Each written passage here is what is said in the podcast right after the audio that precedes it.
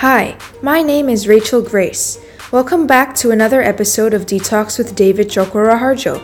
In this episode, I talk to Papa about the love and sovereignty of God, the difference between hoping and wishing for something, and how to forgive anyone who has wronged you. Enjoy!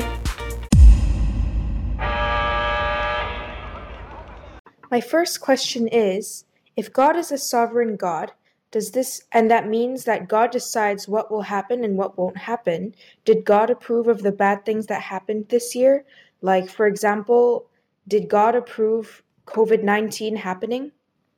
Yeah, so this is a very good question, Rachel. You know, like if you're thinking about like God is sovereign, God didn't create uh, COVID 19. When I say that we serve a sovereign Lord, uh, if we say that God is sovereign, what it actually means is that um, you know there is a stamp of approval. Like as an example, right? If you go to a bank and you say like, "Hey, uh, I like to uh, bring out money," right? So depending on like whose bank account it is, you know, it's my bank account, so it requires my signature.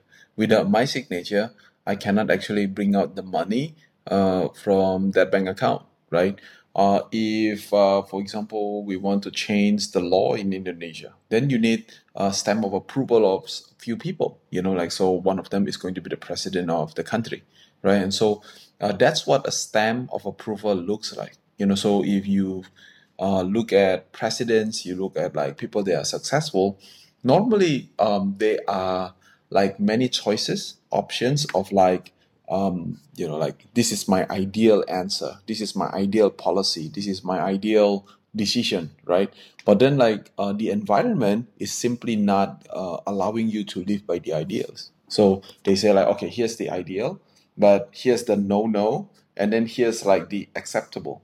You know, so a true leader, um, you know, if you are a pemimpin, uh, you always think about you can't live in your ideal world the the greater your responsibilities, the greater your realm of leadership, the more you realize that you know I don't live in an ideal world and I can't get what I want all the time. So you know even though something is not according to what uh, my liking is, right? But then I go like, okay, I accept that, I allow it. Nah, itu namanya adalah stamp of approval. Okay, so when God is sovereign, He is putting His stamp of approval. So because this is a questions about uh, you know, God. So I get a touch base with like, you know, what we believe in. You know, we are Christians. You know, so in the Bible there are stories like uh, Job. You know, in Bahasa Indonesia is Ayub, right? And if you look at it, there is a story where the devil went to God and says that, you know, like um, that guy Job, that guy Ayub, you know, he's only serving you, he's only loving you yeah, why? Because uh, he has a lot of money, he has a lot of assets, and he has a beautiful family. So you see, um, even though God does not design or does not uh, allow bad things to happen to Job, but because there is a challenge by the devil, uh, God says that, okay, you can do anything. And it's written actually in the Bible. It says that you can do anything except you cannot touch the life of Job. Right? So that is right there I think like um, my view about the sovereignty of God. You know, so Job didn't do anything wrong. Job didn't uh, challenge the devil to a battle. Job didn't do anything. Job is just living his life as usual. But the sovereignty of God is putting a stamp of approval for him to be tested, even though he did not do any sin. You know, so the sovereignty of God is allowing, for example, the questions that you're asking, like COVID 19, it is his sovereignty. He put a stamp of approval, whether that be by human mistake, whether that be by a natural disaster or whatever it may be, there is a stamp of approval of God. And in his sovereignty, he's saying that it's okay, right? So now the questions of like, why did God allow or why did God put the stamp of approval and says that COVID 19 can happen for almost two years or even maybe a little bit more, right? And so the question is never about like, not questioning about like, why did God do it? It is trying to understand what it is uh, that God wants out of the result. So every time we talk about sovereignty of God, then we have to talk about the love of God. You cannot separate the sovereignty of God um, with the love of God. Because if you separate uh, the sovereignty of God with the love of God, suddenly you start to question whether the God that you serve is a good God or a bad God. So the reason why we have to look at the book of Job, we have to look at all the other heroes in the Bible, is because if we look into it, the conclusion should be this whether you are successful or you are failing, whether it is COVID environment or non-COVID environment, everything, it means everything that happens in our life, it is really pointing us to go to one place, which is to love God, which is to find God, is to be have a relationship with God. So this is not about having a religion, right? So because of COVID nineteen, for example, uh, you know the Muslims can't go to the mosque, the Christians can't go to the church, the the Buddhists cannot go to their temples, you know. But then that is religious activity. The point of it is that whether you are connected to God or you're not connected to God. You know, some people when they have COVID nineteen, they start to deny God and they just say like, "Oh, there is no God. God is so bad," and all those sort of things. Another person is having a great success, and because of the great success, that person is actually leaving God, and he says like, "I don't need God. I'm the smartest guy in the room," for example, right? So blessings or failures or pandemics for that matter, everything of those things, if God gives the stamp of approval, the purpose is one thing, so that you find God, right? And so um, the Bible also say this. He say that you know when the uh, the badai come, right? When the tornadoes come, when the waves come, he says that the house will be tested, whether it's built upon the rock or it's built upon the sand. And if it's upon the rock, he says that the house will stay there. But if it's upon the sand, then the house is going to be broken, right? And so, pandemic, when God uh, put this uh, COVID 19, one thing became clear. You know, Papa said this all the time. Um, you know, that, that some businesses just fall apart. You know, on the first sign of trouble, the CEO and the founder and the, the leader, they are the first to run away from the scene. And they don't think about, um, you know, the prosperity or the well-being of the people, of the customers, you know, of the hard work that they build, nothing He's just like, I want to uh, run away. So it shows you the foundation of that person. You know, there is a saying that says that be- behind every crisis, there's always opportunity. You know, but then not everybody is doing that. They just know, yeah, the kepala, they know, tapi they don't actually are uh, the doers. They don't actually uh, do anything about it, right? And so uh, I think that one of the things that we can apply as we enter 2022 is that you need to look back at the last 18, 20 months and then you ask yourself this question is like, how is my foundation? Uh, so some of these things gonna happen. Number one is like um, you might be building your businesses and you find out that everything fall apart. You know your financials fall apart, your operations fall apart, your standard of excellence fall apart.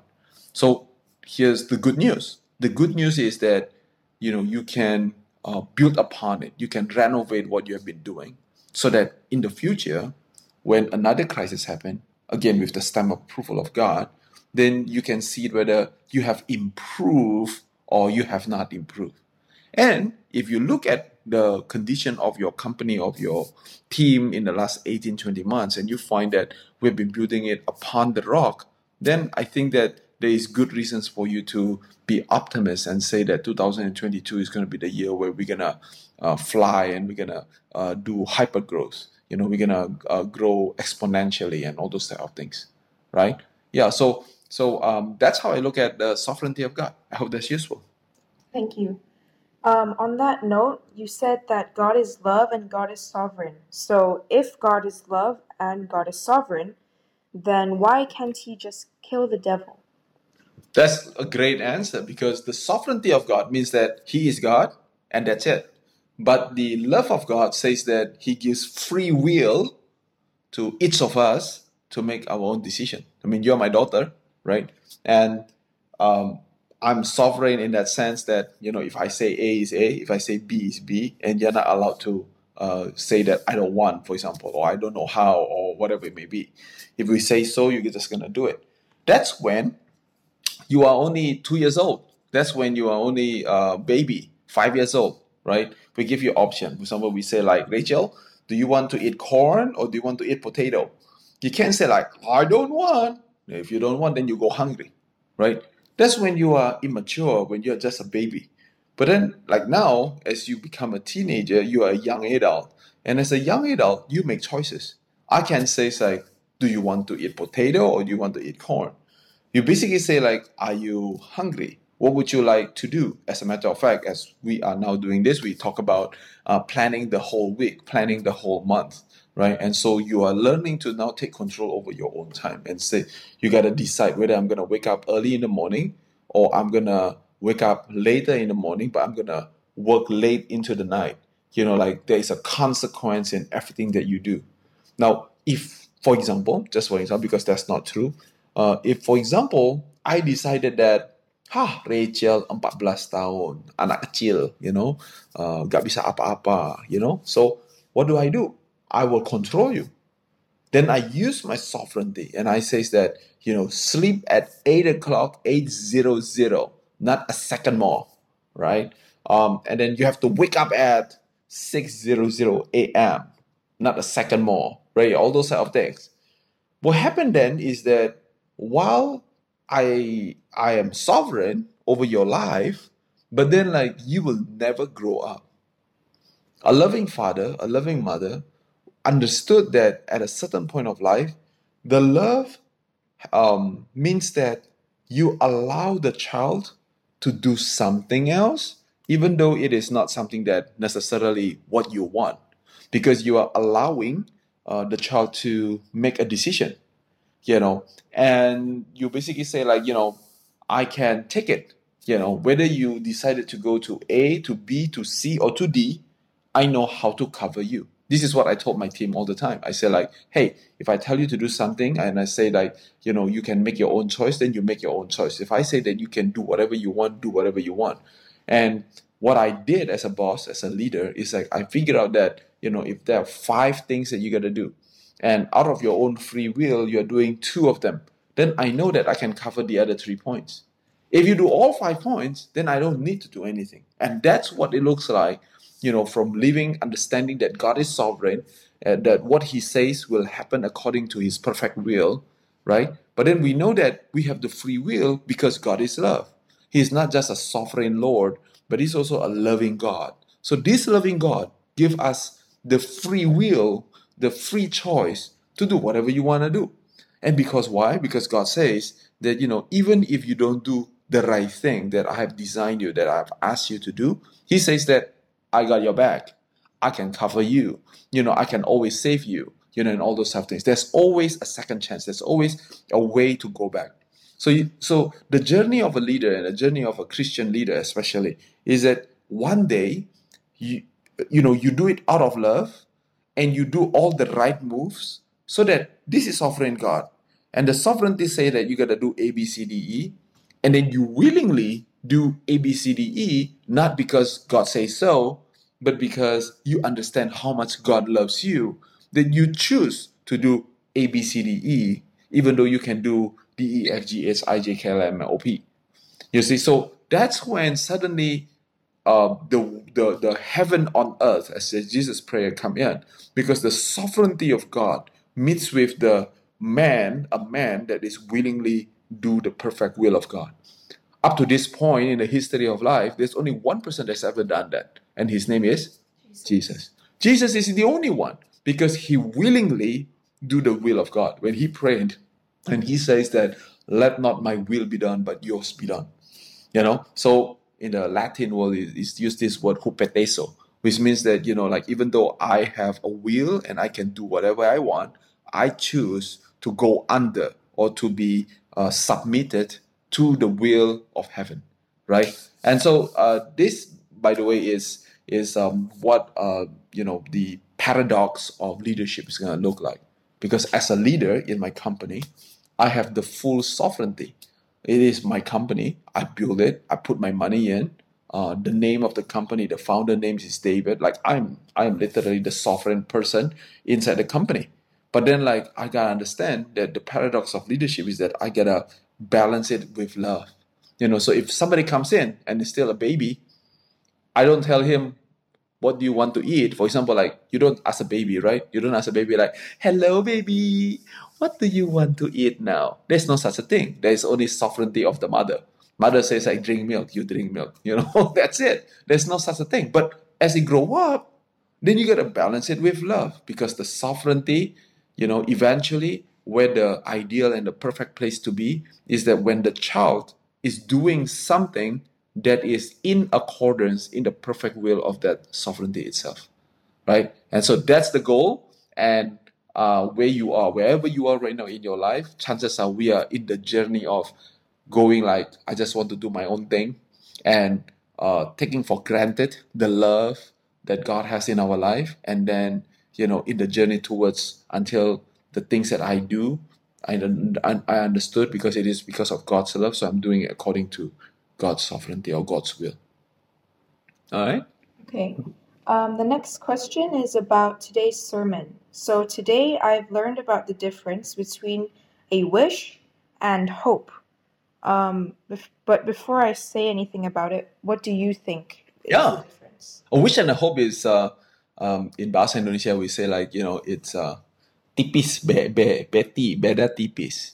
You know, it's very thin. The, the difference is uh, uh, with a hairline difference, but the implication is a world of a difference, right? When I wish for something, it means that um, I am uh, coming from myself.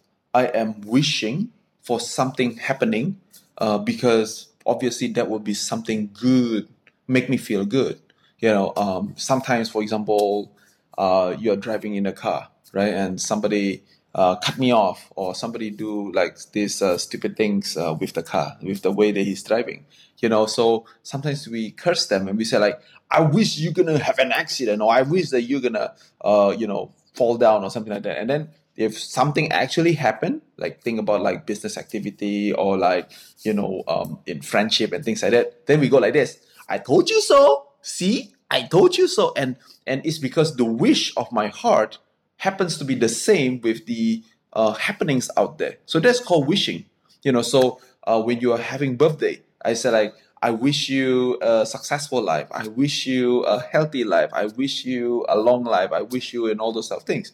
A wish has something to do with the need uh, that i have because if you're healthy, if you live a long life, then I don't have to go through sorrow.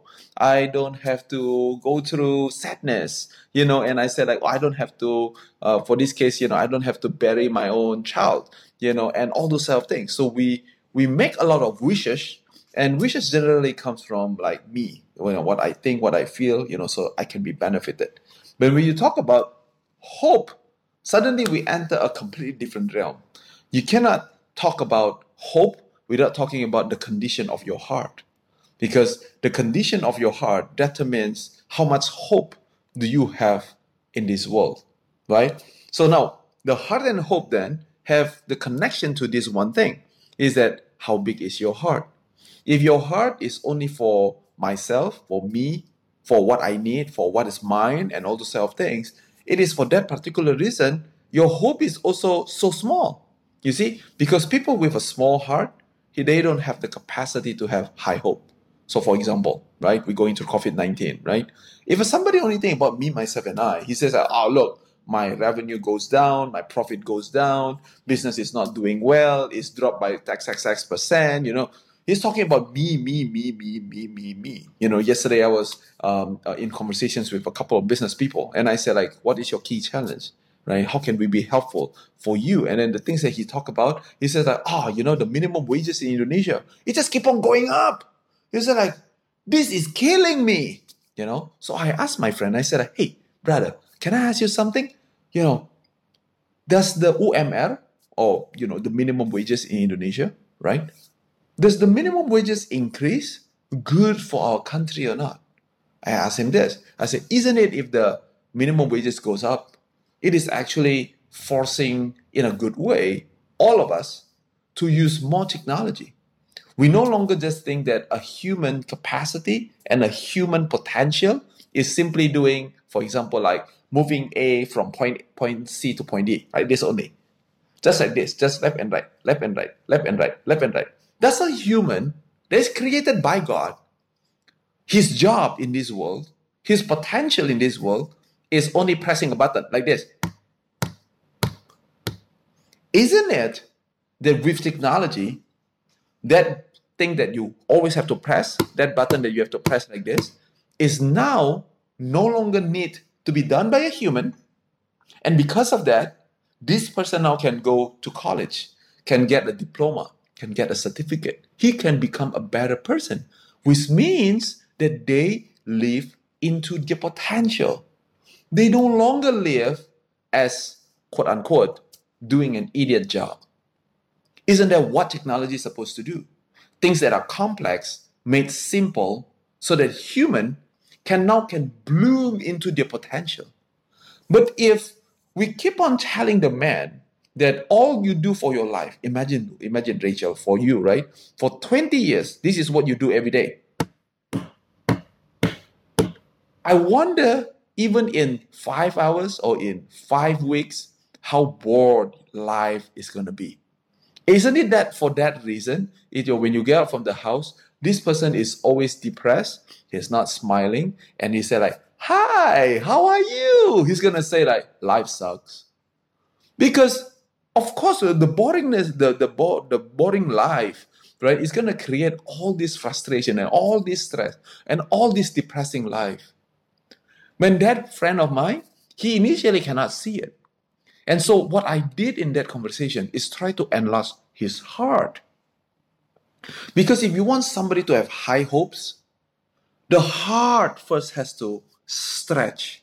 Instead of thinking just myself, then I'm starting to think about you as my child. I start to think about your mother. I think about our big family. So as my heart is thinking about, here's the key word, other people, then your heart stretches. And it is when your heart stretches that you have hope. One of the best example that I've said this to a lot of people, and I'm glad that I can do it together with you today, Rachel, is that I used to be 140 kilo, you know, and I was very, very big, very, very fat, very, very a lot of sickness and all those sort of things. So you see, in the initial stage when the doctor says that I have a lot of disease, I was wishing because my heart is so small, I just want to not die young. It's not for your mother, it's not for you. It's not for anybody else. I just I'm just so afraid to die young. So I diet, I exercise, I do everything else because I don't want to die young. So you see, my heart capacity was so small. I'm only thinking about David and David and David and David. I don't think about other people. I love your mother, but I'm not thinking about your mom. But then one day it changes, and that's is what hope looks like. It is when I look beyond myself and I stretch it bigger. I look at you. You were born. I was holding you in my arms. And then when I was holding you as my baby in my arms, Rachel, I make a promise. I say that one day Rachel is going to get married. She's going to walk down the aisle of her wedding, and I'm going to be walking next to her. I'm not going to be blind. I'm not going to be using a stick. I'm not going to be losing a toe. I'm not going to walk like an old man. I'm going to walk head, head held up high and strong and proud and I can walk healthily. See, that's hope. Because a hope happens when it includes other people.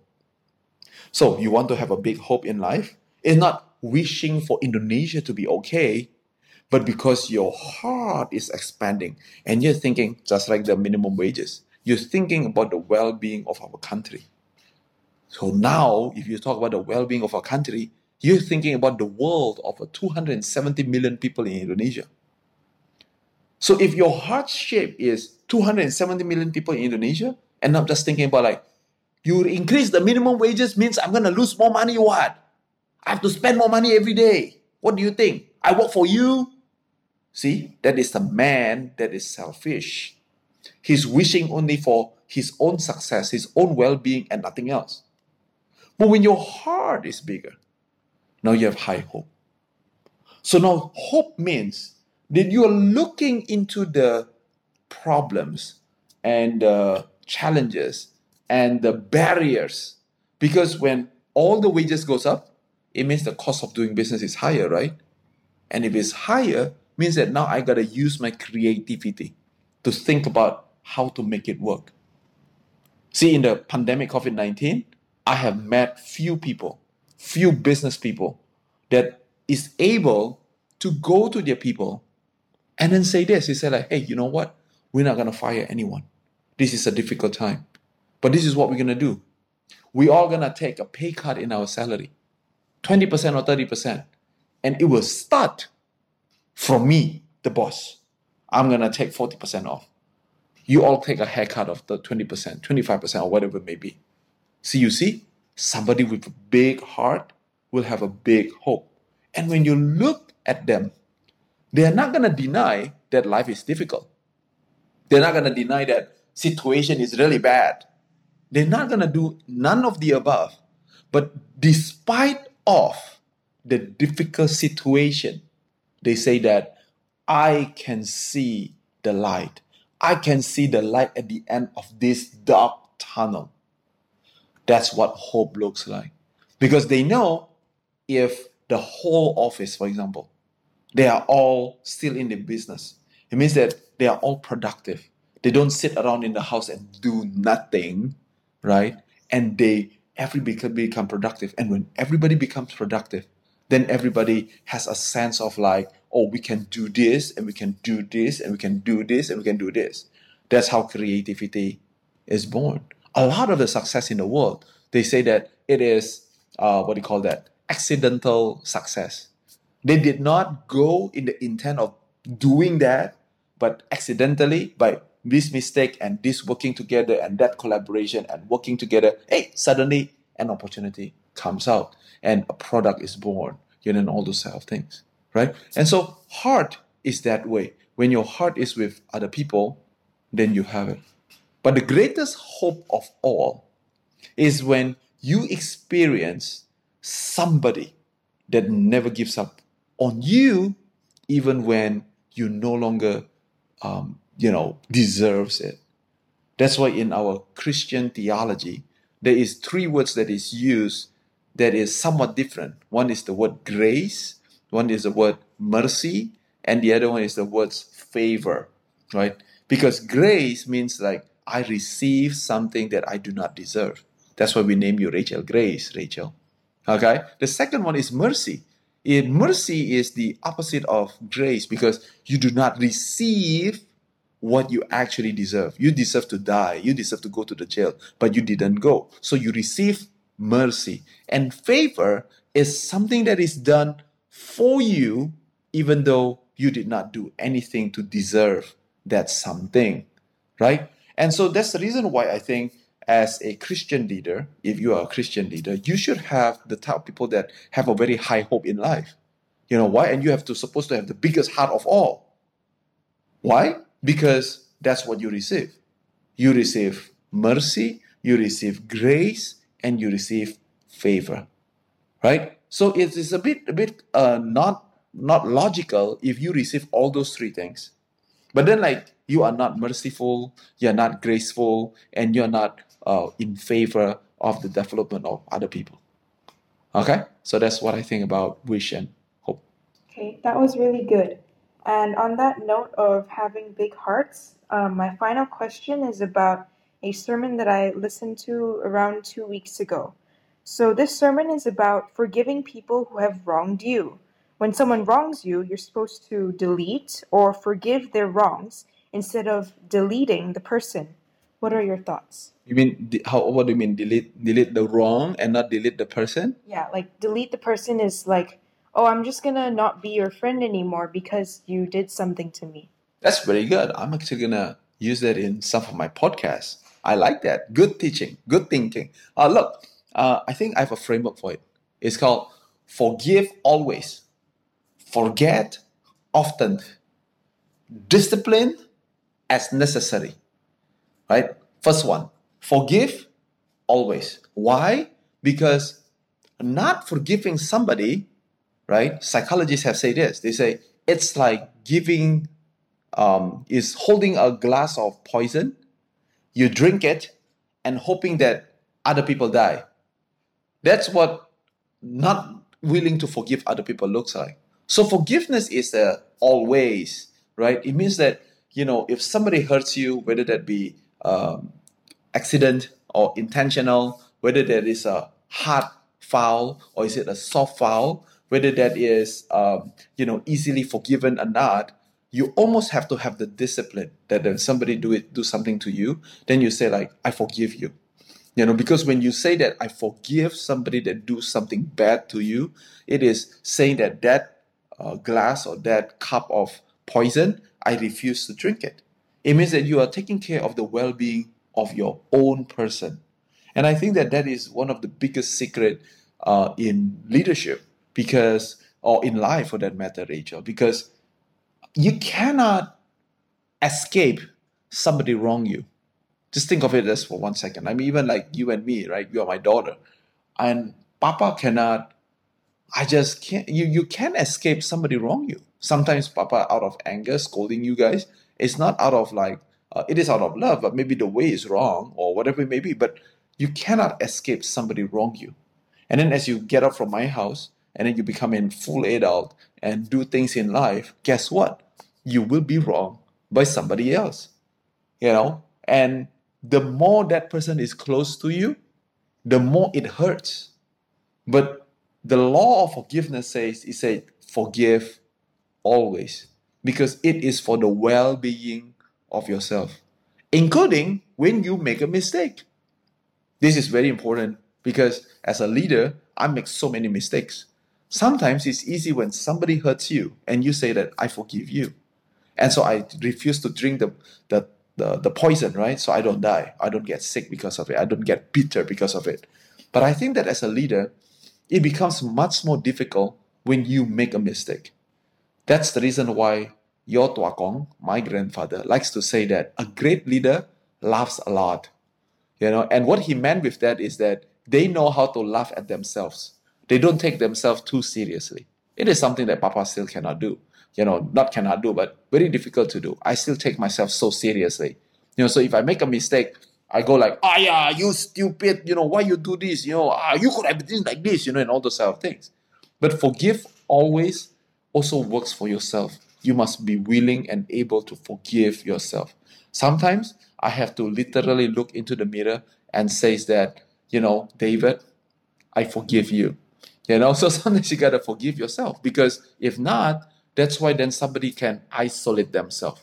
You know, they make a mistake and then they disappear from the world because they cannot forgive themselves. And why? Once again, because you keep on drinking that poison, and that poison will eventually, you know, um, make you unable to do anything else in your life. So that's rule number one forgive always. The second one is forgetfulness. And you know, you forget often, you know, because our brain has a limit on like what you can memorize. As an example, if I ask you, two years ago, we went to New York, tell me what is the plate number of the taxi that we go to. Or, you know, the number of the subway uh, train when we were in New York. Chances are you cannot remember. I can't remember. So you see, forgetfulness is a blessing. Because imagine that if you can remember all those information, there's really nothing in this world. Then you forget.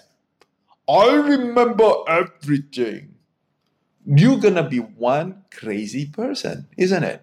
Especially when it comes to somebody hurting us forgetfulness is actually a blessing.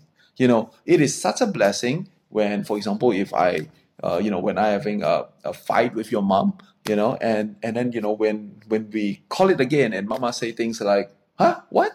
I forget already." It is a blessing.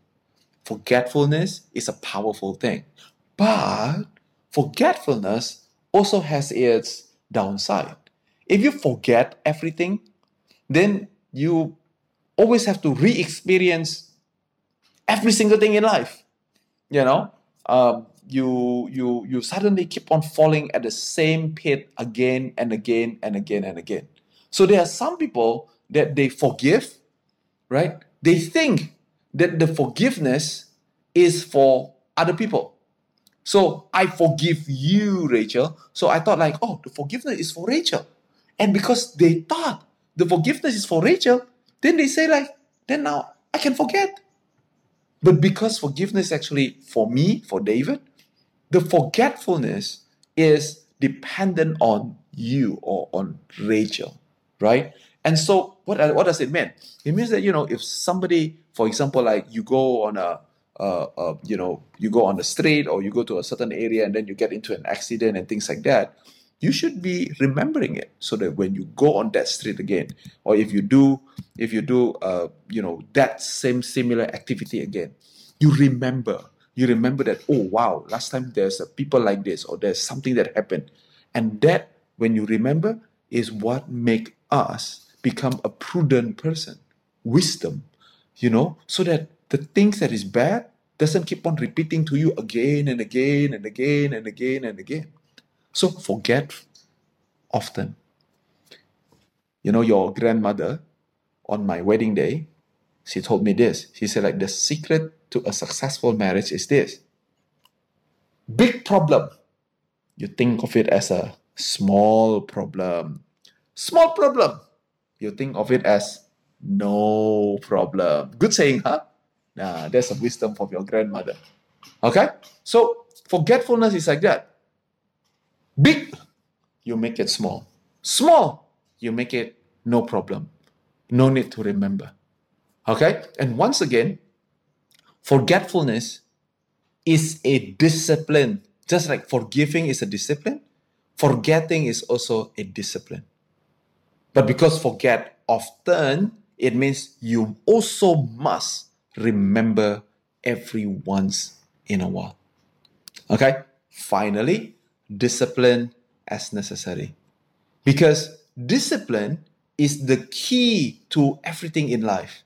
You know, for example, um, if you're gonna make a sword, you have to discipline in burning it, hammering it. You can't just say like, "Ayah, tired lah," so you don't discipline when you don't have the discipline, then it become a sword. Yeah, of course. But then it's not very, very strong. So that when you go in the war and then you try to hit the, the knife, right? You piang, and then it got broken. Discipline is the key to everything. You know, the same with like if you are human, you want to build your muscle. Same thing. Discipline. If you only carry it one time and then say, okay, that's it, I only carry it one time. Look at that, I got muscle, right? Then that's it. Tomorrow you won't have it again. So discipline as necessary because sometimes you have to take disciplinary action. You know, you gotta make somebody pay for what they did. You cannot just like, okay, I forgive, I forget, whatever. If you do that, then you're gonna be the doormat of the world. You know, people gonna step on you, and you have no value. You don't stand for something. You don't have principles. You know, so discipline as necessary is a very very important concept. But look at the uh, uh, order of priority. Number one, you forgive. Number two, you forget, and only then you discipline. If you change it, then you discipline first, and then you forget, and then you forgive. Then that's the reason why again your world is very small and you're not able to do big things and you shrink your own potential in life because that's how normally people do it. You know, I'm gonna I'm gonna put you in jail first, and then I'm gonna after you're in the jail, then I'm gonna forget about you, and then only after that, then I will forgive. You're gonna waste a lot of the things in your life because what it actually means is that every single thing that happened in your life that people do something bad to you you're going to want uh, justice and you want to uh, you know, do something to that person first, and only that. So you're wasting your time doing all the small, small little things that actually doesn't matter. You know, so you want to deal with it. You know, big things become small, small things become no problem at all, right? And so uh, I think that what you just now said is very, very important. You know, like uh, we want to not forget uh, the mistake, right? But we always want to be gracious to the person you know? So uh, what does it mean? It means that if somebody do wrong to you you say a wrong is a wrong. You cannot say like it's not wrong because i love the person. No. A wrong is a wrong but the person is just a human being that can do wrong. Now, now if you live in that principle and i'm glad that i have this opportunity to do this podcast together with you rachel more than anything because we are doing this in 99% in english is that if that is already how you look at life, then it does not actually really matter what happened in your life. Whether you're born in a rich family or you're born in a poor family. Whether you're born as a man or as a woman. Whether you have long hair or short hair. Whether when you got 30 years old, your hair's gonna be all white or it's gonna be start to be botak.